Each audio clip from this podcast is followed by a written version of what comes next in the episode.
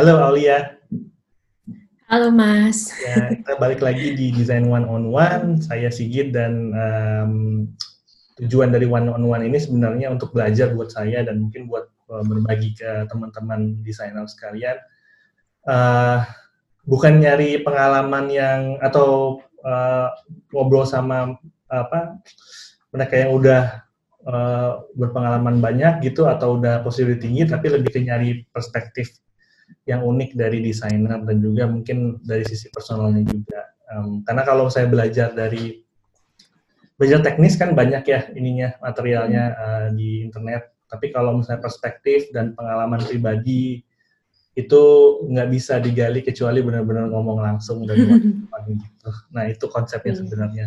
Dan kali ini kita ketemu Aulia Rahmani. Um, Aulia ini adalah uh, eh, UX lead ya di Altera ya. Yeah. Uh, Altera yeah. ID itu uh, nanti mungkin bisa ceritain Altera itu apa karena walaupun gue udah pernah tahu tapi takut salah. uh, dan juga role-nya apa di di Altera um, dan kebetulan Aulia ini pernah nge-tweet di Twitter yang nge-tweet di Twitter tentang UX writing dan itu uh, apa uh, kayak profesi yang mungkin belum atau disiplin yang belum apa ya belum belum mungkin ada tapi belum terdevelop atau terbangun dengan baik di dunia UX dan dan ternyata menurut pengalaman kita berdua ini uh, sesuatu yang mungkin penting dan potensial gitu kali ya. Iya. Oke, okay, mungkin um, awalnya mungkin bisa di di introduce dulu kayak uh, Aulia itu uh, role-nya apa, terus pekerjaan sehari-harinya apa dan mungkin Altera itu apa ya? Oke, jadi uh, tadi dibilang gue Aulia, kemarin lumayan sih tweetnya itu sempat banyak yang uh, nge-love, nge-retweet soal UX writing, UX writing ya. Gitu. Gue sendiri sebenarnya bukan seorang UX writer, gue sebenarnya secara role itu UX lead di Altera. Altera itu perusahaan uh, teknologi, tapi dia fokusnya ke B2B. Kita sebenarnya lini bisnisnya tuh lumayan banyak, ada beberapa tapi yang paling terkenal itu adalah uh, sebagai bill payment aggregator. Gitu. Jadi biasanya orang-orang bayar atau beli produk digital itu yang menyediakan di beberapa e-commerce itu Altera. Jadi kalau kalian beli pulsa atau mau bayar tagihan PLN kayak gitu tuh sebenarnya menyediakan uh, di belakangnya itu dari kita. Hmm. Gitu. tapi banyak yang orang yang belum tahu ya. Gitu gitu sih. Kalau mau tahu lebih jelasnya sebenarnya di websitenya altera.id itu udah lumayan banyak penjelasan kita tuh ngapain aja, bisnis kita apa aja gitu. Terus peran UX lead itu apa eh, di di Altera? UX lead itu sebenarnya masih 50% 50% gitu Mas. Jadi 50 persennya kita uh, manage, manage tim, tapi 50 persennya kita juga masih crafting gitu. Okay. Sebenarnya. Tapi yang di desain Mungkin, apakah ada user interface-nya juga atau karena tadi kan kalau dilihat itu hmm. kayak lebih ke apa uh, backend gitu ya atau mungkin yeah. saya salah gitu apa, apa ada hmm. ada sisi user interface-nya juga? Ada, ada banyak jadi sebenarnya. jadi tergantung kita kan sebenarnya tuh produknya ada macam-macam ya. Hmm. Tapi nggak bisa gue ceritain detail, yeah, yeah. ada macam-macam. uh, dan kebanyakan itu kita bikin dashboard, terus aplikasi buat seller yang kayak hmm. gitu. Okay. Jadi lebih ke uh, pemain bisnisnya. Oke. Okay. Oke, okay, uh, makasih intronya uh, Aulia. Hmm. Mungkin kita juga mau gali lebih dalam lagi soal perspektif Aulia tentang UX writing ini ya. Itu hmm. udah di retweet 33 eh sorry 3.300 orang. Banyak gue banyak aja lupa gue ya, banyak banget gitu. Dan kayaknya ada ya kayak kalau dilihat misalnya kalau kita bikin produk nih ternyata ada produk market fitnya sih kayak yeah, orang tuh yeah. orang tuh tertarik. Berarti kan ada ada interest di situ. Dan iya yeah, benar mungkin benar. pertama bisa dijelasin dulu UX writing itu apa ya? Oke, gampangnya sih sebenarnya UX writing itu orang yang bikin experience di suatu hmm. produk hmm. tapi melalui kata-kata gitu hmm. melalui tulisannya kayak gitu gampangnya sih itu ya gitu soalnya kalau kita bikin UX sebenarnya kan ada tiga komponen kan visualnya interaction interactionnya sama yang terakhir itu adalah uh, kopinya di situ kontennya gitu hmm. nah itu tuh nggak bisa dipisahkan kan tiganya itu sebenarnya kalau kita lihat suatu aplikasi, website kan kita baca dan sambil lihat kan. Iya. Kayak gitu. Hmm. Konten ini apa aja ya? Apakah teks aja atau ada yang lain juga? Hmm, sebenarnya sih kita biasanya bagi-bagi dalam tipenya gitu loh mas. Hmm. Ya kalau yang gua kerjain ya selama ini uh, bisa di buttonnya, bisa di visualnya, kita tempelin wordingnya, bisa juga kayak feedbacknya, kayak errornya, uh, berhasilnya, kayak gitu, dan konten di dalamnya juga termasuk. Nah, tapi kalau itu biasanya juga uh, kerjasamanya sama copywriter gitu. Saya kayak kalau, gitu sih. Kalau kita pernah kerja di agency gitu ya, nah, kan ada istilah copywriter gitu. Uh, menurut Aulia, beda nggak copywriting sama UX writing? Sebenarnya beda, Mas. Hmm. Cuman kalau masa lalu nih, Mas, kalau bicara sebelum UX writing, sebelum yeah. UX writing uh, muncul gitu nama role itu, sebenarnya dari dulu tuh uh, ada kan konten di dalam hmm. aplikasi, di dalam web itu ada. Tapi yang crafting kan nggak uh, jelas kan siapa role-nya. Kadang ya desainernya hmm. sendiri, kadang copywriter, content writer yang kayak gitu ya kan sebenarnya dari dulu ya role yang bikin uh, experience lewat tulisan tuh ada gitu kan nah kalau gue juga pernah mas di agensi dulu kan di Jakarta juga ya dulu ya palu gada gitu hmm. kalau diminta uh, kalau diminta wording kadang uh, ngedesain sambil ya bikin wordingnya juga gitu kan yeah. dulu palu gada kayak gitu dan biasanya emang content writer bantuin gitu minimal proofread atau kayak misalnya uh, dia bikin uh, headline-nya, bikin uh, isi penjelasan description kayak gitu-gitu biasanya minta bantuan copywriter. Hmm. Dan begitupun kalau misalnya di Altera uh, untuk misalnya website uh, atau konten yang lebih panjang gitu, biasanya kita juga minta bantuan copywriter. Karena mungkin bisa uh, dia juga kan dia juga maintain voice and tone-nya brand kan. Jadi okay. bisa saling apa ya? kayak nambahin, membantu gitulah pokoknya. Berarti Tapi kalau copyright, ya. Fokusnya beda ya. Mas. Jadi kalau misalnya copywriting tuh lebih ke marketing gitu. Mungkin eh, yeah. asumsi asumsi saya. Terus kalau UX hmm. writing apakah eh, itu mungkin lebih ke produk gitu ya? Iya, kalau UX hmm. writing menurut gue sih lebih kayak ke usernya dan hmm. itu tuh nggak selalu jualan gitu loh mas isinya. Yeah. Kalau si copywriter kan lebih uh, ngejual, hmm. ngejual apa yang emang dia harus jual gitu kan. Kalau hmm. copywriting kan membantu kayak gitu. Membantu menyelesaikan uh, apa uh, tugas ya, maksudnya uh, task gitu ya. Tas. Hmm. hmm. Oke, okay. dan um, menarik sih uh, karena kalau dilihat di di perusahaan atau startup di Indonesia, uh, saya kurang tahu ya karena udah lama nggak di Indonesia. Menurut Aulia, udah ada nggak ini kayak disiplin UX writing ini atau content writing ini uh, dan kalau ada apakah udah udah established gitu? Nah sebenarnya mas ya gue tuh hmm. tahunya beberapa uh, company yang start uh, unicorn itu ada. Gitu. Ada ya. Mungkin hmm. karena mereka emang uh, produknya tuh udah banyak, udah mature dan emang dibutuhkan tahu kebutuhannya. Okay. Tapi ternyata setelah tweet itu lumayan viral, itu lumayan banyak UX writer yang nge-add gue di LinkedIn. Jadi gue tahu, oh, oh uh, from UX writer itu banyak uh, startup yang uh, make. Bahkan startup yang gue baru tahu namanya gitu. Hmm. Ternyata ada juga ya. Dan uh, gitu orang udah mulai aware uh, akan kebutuhan itu gitu. Hmm. Mungkin udah mulai banyak desainer yang meraung-raung, oh bikin kopi itu susah ya. Copywriter yeah. nggak bisa nih bikin apa yang uh, kita mau gitu. Yeah. Mungkin kayak gitu. Gitu ya. Terus kalau tadi lihat uh, kayaknya lebih banyak yang di startup yang udah mature atau perusahaan udah mungkin mulai mature gitu. Uh, hmm. Tapi menurut Aulia apakah nah ini misalnya uh, besok kita bikin startup baru gitu. Apakah harus langsung ada UX writer atau enggak? Kalau menurut gua enggak harus. Hmm.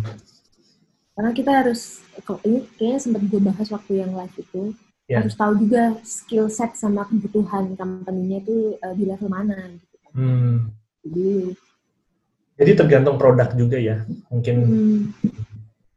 Oke, okay, okay. Juga kekompleksan produknya dulu, terus habis itu ya uh, kan di situ biasanya kalau misalnya baru tuh desainernya masih satu semuanya yang ngerjain Hmm. kan ya, ya kemampuannya juga seberapa gitu. Berarti misalnya kalau kita di startup atau di perusahaan yang belum ada UX writing team atau ada belum ada role kayak gitu, eh, berarti kita sebagai UX writer atau misalnya yang antusias gitu, apa yang harus kita jual gitu ke produktif atau ke CEO, hey, lu harus punya ini UX speed writing. dating Iya. Speed dating kalau gue mas ya kalau misalnya ngejual diri itu biasanya gue bawa data dulu maksudnya gue bisa research kecil-kecilan tentang produk Oke. dia kan dia bakal lebih tertarik kan karena kita Ya. tuh udah tahu produk dia apa dan kita punya impact dari produknya tuh ternyata kayak gini. Makanya lu Hmm. butuh nih UX writer. Ternyata Hmm. banyak orang tuh yang masih misleading baca uh, copy lu uh, tas-tas di aplikasi misalnya ya, aplikasi lu tuh ternyata misleading. Banyak yang uh, drop off di situ kayak gitu. Bisa ngejual dengan data-data seperti itu tuh gue lebih ngejual karena ya Hmm. lebih tertarik aja kalau kita udah masuk ke situ gitu. Tahu lah kualitas kita tuh kayak apa gitu. Dan Bawa- mungkin bisa ini ya kayak align ke bisnisnya juga gitu ya. Kalau Hmm. misalnya pakai UX writing atau content strategy gitu, eh, mungkin bisa impact ke bisnis kayak gini-gini gitu kali ya. Bawa-bawa revenue Iya. Eh, Iya. atau ada hmm, lagi mas Iya, gimana? kadang tuh suatu startup mereka kan udah biasanya nge-hire KS atau apa kan dan rata-rata mungkin yang ditanyain bisa aja sama-sama terus gitu kan kita bisa masuk ngejualnya juga lewat situ mas jadi daripada lu bayar orang nanya eh, jawab hal yang sama terus kenapa sih lu nggak memperbaikin apa yang ada di produk lu kayak gitu Ya, menarik sih. Terus ini apa namanya?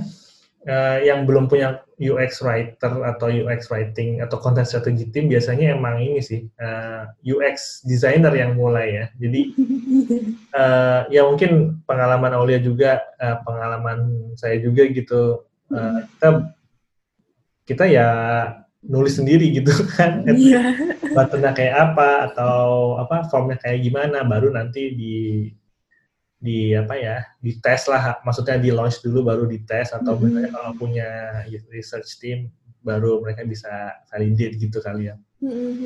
benar-benar Nah ini misalnya kita the UX writer gitu already has a seat on the table gitu artinya udah udah udah udah punya tim atau udah punya role lah di situ. Kira-kira apa yang pertama kali harus dilakukan? kalau gue sih lihat dulu company-nya punya apa Hmm.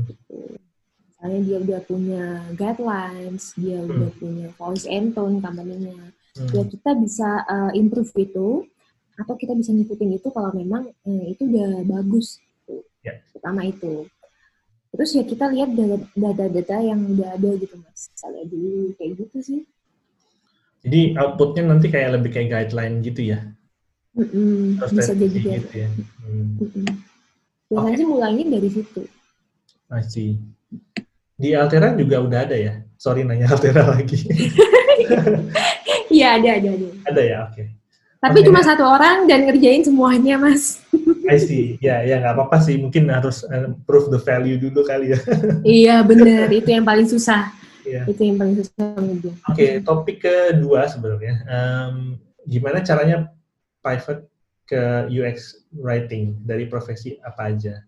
Eh, ya, ini kayak mungkin karena dia dari tweet yang kemarin itu banyak yang interest juga ke Iya. writing, mungkin dari desainer, mungkin bisa dari copywriting di agency gitu, atau bahkan Hmm. mungkin dari profesi lain. Nah, menurut Aulia, eh, bisa nggak sih kayak banting setir langsung? Atau misalnya harus ada kayak prerequisite-nya dulu, apa eh, sebelumnya harus punya pengalaman apa dulu? Kalau menurut gue banting setir itu pasti bisa, tapi ya harus ngelewatin suatu proses lah. Hmm. Gue aja dulu juga banting setir kan hitungannya, maksudnya eh, Iya dari kayak mahasiswa dari ngoding terus akhirnya sampai di sini gitu kan jadi eh, ada beberapa proses yang gue lalui Hmm. Uh, kalau untuk UX writer, eh, UX writer sendiri, punya pivot sih menurut gue pasti bisa. Cuman ya yeah. itu perjuangannya banyak, apalagi uh, di sekarang itu mas hmm. lebih banyak orang yang tertarik dengan role kita ini, maksudnya UX hmm. writer, uh, UX designer, project designer, lebih, kayak lebih banyak itu maksudnya lebih kedenger suaranya dibanding beberapa tahun yang lalu, mungkin beberapa tahun yang hmm. lalu, sepuluh tahun yang lalu ya kan. Jadi persaingannya pun juga beda nih sama yang dulu yang harus disiapin menurut gue ya harus belajar, harus hmm. mau berkorban gitu. Karena kalau misalnya ya kita cuma ikut-ikutan doang, iya-iya doang, mau-mauan doang, tapi nggak ada pengorbanannya ya nggak bakal kejadian gitu kan. Belajar yang pertama, terus uh, asal writing skill itu penting banget. Karena yang namanya UX writer ya harus bisa nulis, gitu kan, writing skill. At least kalau misalnya kita mau uh, jualan diri, si recruiter itu tahu kualitas nulis kita tuh kayak apa gitu. Uh, tahu style kita kayak apa, tahu kita itu kalau storytellingnya kayak apa sih orang ini bisa nggak sih menceritakan sesu sesuatu gitu, bikin gue tertarik hmm. lah, bikin gue hook sama sesuatu tuh bisa nggak sih kayak gitu. Hmm. Nah, kalau UX designer kan biasanya ada portfolio design. Uh, hmm. Kalau UX writer portfolionya apakah harus purely kayak konten atau tulisan atau gimana? Sebenarnya sih mas kalau gue ya kemarin-kemarin pas apply UX writer gitu, hmm. gue cuma ngeliat gaya tulisan mereka gitu. Karena waktu itu tuh uh, belum banyak yang aware sama role ini dan carinya pun susah gitu kan. Cari hmm. orang yang bisa ngisi itu susah. Ini kayak beberapa tahun yang lalu ya, sekitar dua tahun yang lalu.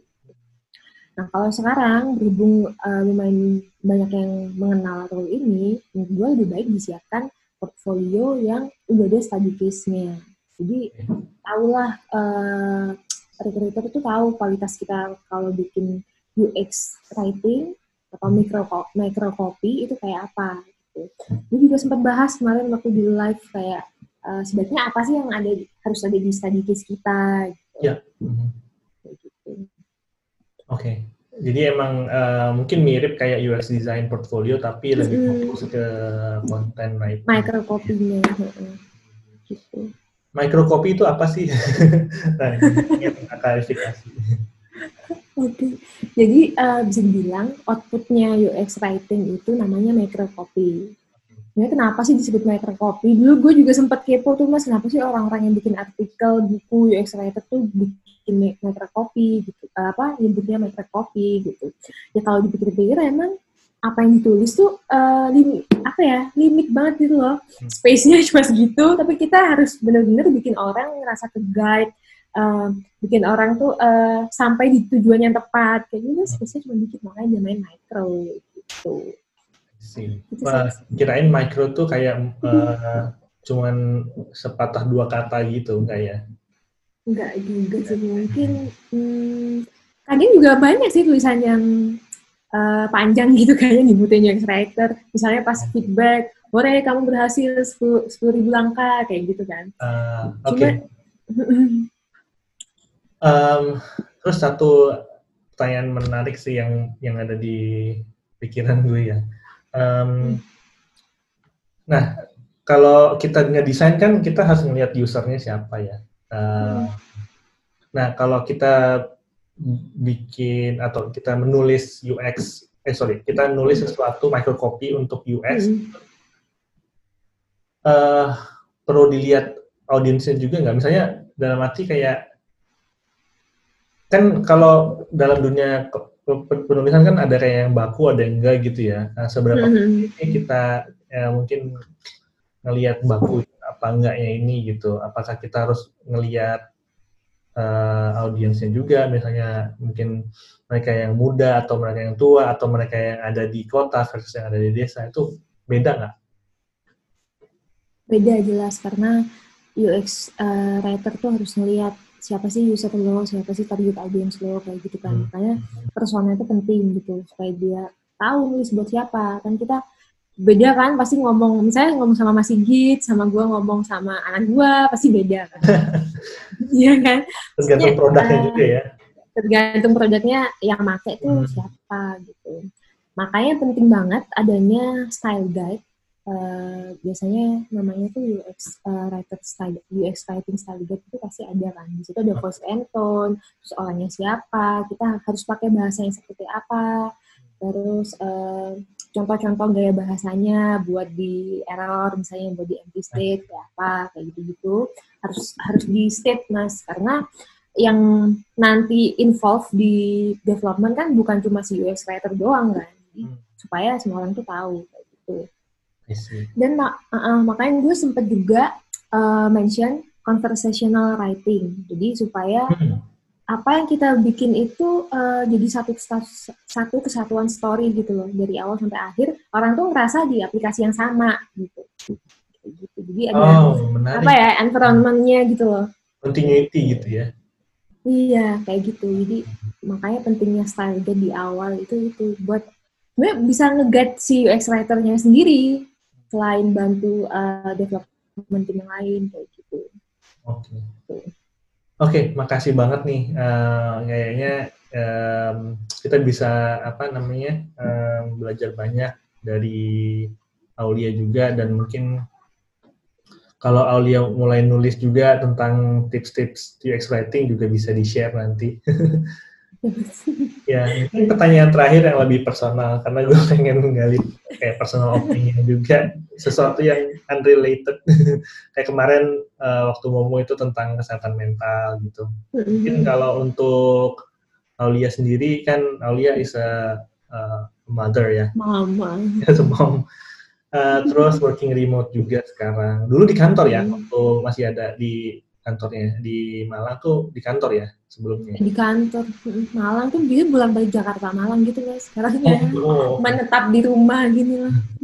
Nah, sejak tiga bulan ya? Dua bulan apa tiga bulan mungkin udah working? hampir tiga bulan. Tiga bulan. Terus ada anak di rumah yang mungkin juga home based learning juga gitu. Iya iya iya. Uh, dan mungkin juga suami yang kerja di rumah juga. Iya benar benar uh, itu itu gimana itu apa namanya um, how to stay productive di di tengah kesibukan di rumah itu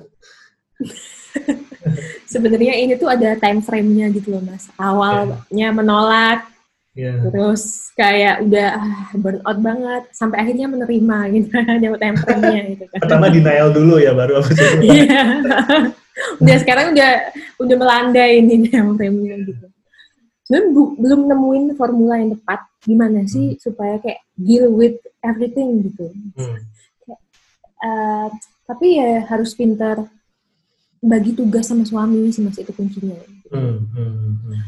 An, uh, toddler emang lagi susah-susahnya, lagi semua tanyain, uh, hmm. pengen tahu terus gitu kan, dilarang hmm. nggak hmm. mau itu gimana ya, komunikasi kita ke suami sama ke anak tuh penting banget juga.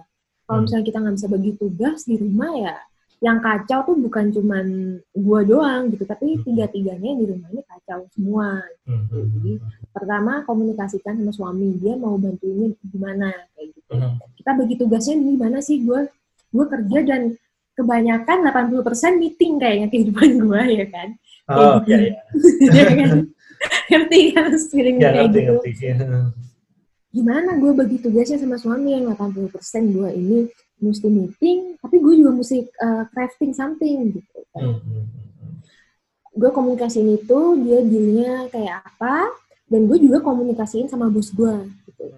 Uh, gue kondisinya kayak gini, gue ngomong aja jujur seperti apa, dan gue juga harus ngasih solusi gue ngasih solusi uh, kalau dengan kondisi kayak gini gue bisanya kayak gini loh gue ngasih solusi kayak gitu jadi transparansi dan komunikasi hmm. ya hmm. transparansi sama komunikasi itu penting juga. baik untuk uh, perusahaan juga untuk rumah tangga gitu ya iya iya terus uh, penasaran juga nih kalau kalau gue kan uh, kerja di kamar kayak sendiri gitu ya uh, hmm. kalau kalau di Oh di how how do you set your workspace itu di kamar atau di luar atau gimana? Sebenarnya rumah gue ini ada workspace sendiri gitu. Di depan hmm. tuh emang ada kita uh, suami gue punya meja, gue punya meja gitu kan. Hmm, jadi satu, jarang dipakai. gitu ya? Iya, oh, okay. jarang dipakai. Kayak nah sekarang ini jadi kepake gitu kan. Hmm. Kayak gitu dan gue tipe sebenarnya bukan tipe orang yang suka sepi kerja sendiri gitu mas jadi lebih Oh, baik oke. kalau ada suara gitu Ya. kalau ada suara gue malah lebih semangat gitu kan Hmm. tipe-tipe extrovert gitu loh mas Ya, ya. jadi kayak gitu jadi gue sebenarnya uh, fine dengan workspace ya mungkin ya pokoknya ada meja ada kursi yang enak eh, sama gue denger suara di luar aja cuma kayak gitu doang Hmm. nggak nggak yang terlalu itu Terus anak juga di situ juga mainnya atau apa namanya berkegiatannya gitu ya. sebenarnya dia punya kamar sendiri Hmm. tapi ya gitu suka semuanya dibawa ke tengah gitu. Tapi belakangan mas mungkin karena time frame itu ya dia juga udah mulai melandai juga gitu. Oh dia iya, udah mulai terbiasa gitu. satu lagi nih, apakah ada scheduling? Misalnya, em, oke eh, eh, saya blok dari jam 9 sampai jam 11 untuk kerja, terus kasih pengertian ke anak, atau random aja gitu, nggak ada time blocking? Ah, ada tapi nggak detail Nggak Jadi gitu. gini, gue pagi harus ngapain, harus selesai jam berapa semua yang gue lakuin pagi itu. Terus habis itu gue mulai kerja jam berapa dan gue kerjain uh, yang esensial dulu gitu mas. Maksudnya kayak uh, daily stand up dulu, apa juga yang esensial gue kerjain. Di tengah-tengah itu gue bisa bagi waktu sama anak gue gitu, dan tetap kerja gitu. Karena dia kan udah melandai, udah tahu gitu kan. Jadi biasanya ya. gue nemenin nemenin dia sambil kerja gitu. I see. Oke. Terus kalau diminta eh, untuk WFH selamanya mau nggak? Itu kayak company gue kayak gitu deh ya selamanya. Oke, berarti emang ya udah gitu ya. Kan ada yang Ya nggak mau udah. juga gitu. Mungkin Hmm, mau gimana lagi ya? ya kalau kayak gue kan pengennya kayak balance gitu, mungkin kayak dua hari di kantor atau di luar apalagi saya bukan bukan. Bukan di rumah. Mm. Iya iya iya gitu. Mm-mm, bener, bener, remote kan bukan harus di rumah gitu kan harus. Heeh, heeh. Ya, atau gimana. Oke, mungkin eh, udah 30 menit. gue nggak mau lama-lama juga, takut yang ngedengerin bosen atau Gak kerasa ya. nggak kerasa. Tapi ya nanti kita eh, kalau misalnya ada edisi kedua, misalnya mau ngobrol lebih dalam tentang UX writing, boleh ya. Boleh banget mas. Oke, gitu aja. Eh, mungkin terima kasih banget Aulia waktunya di hari Sabtu ini. Sama-sama. Eh, Makasih dan semoga mas. apa namanya eh, tips-tipsnya dan eh, apa eh, sharingnya berguna buat eh, desainer yang mau eh, beralih fungsi ke UX writing. Oke. Oke, makasih Aulia. Eh, selamat Iya, akhir pekan ya.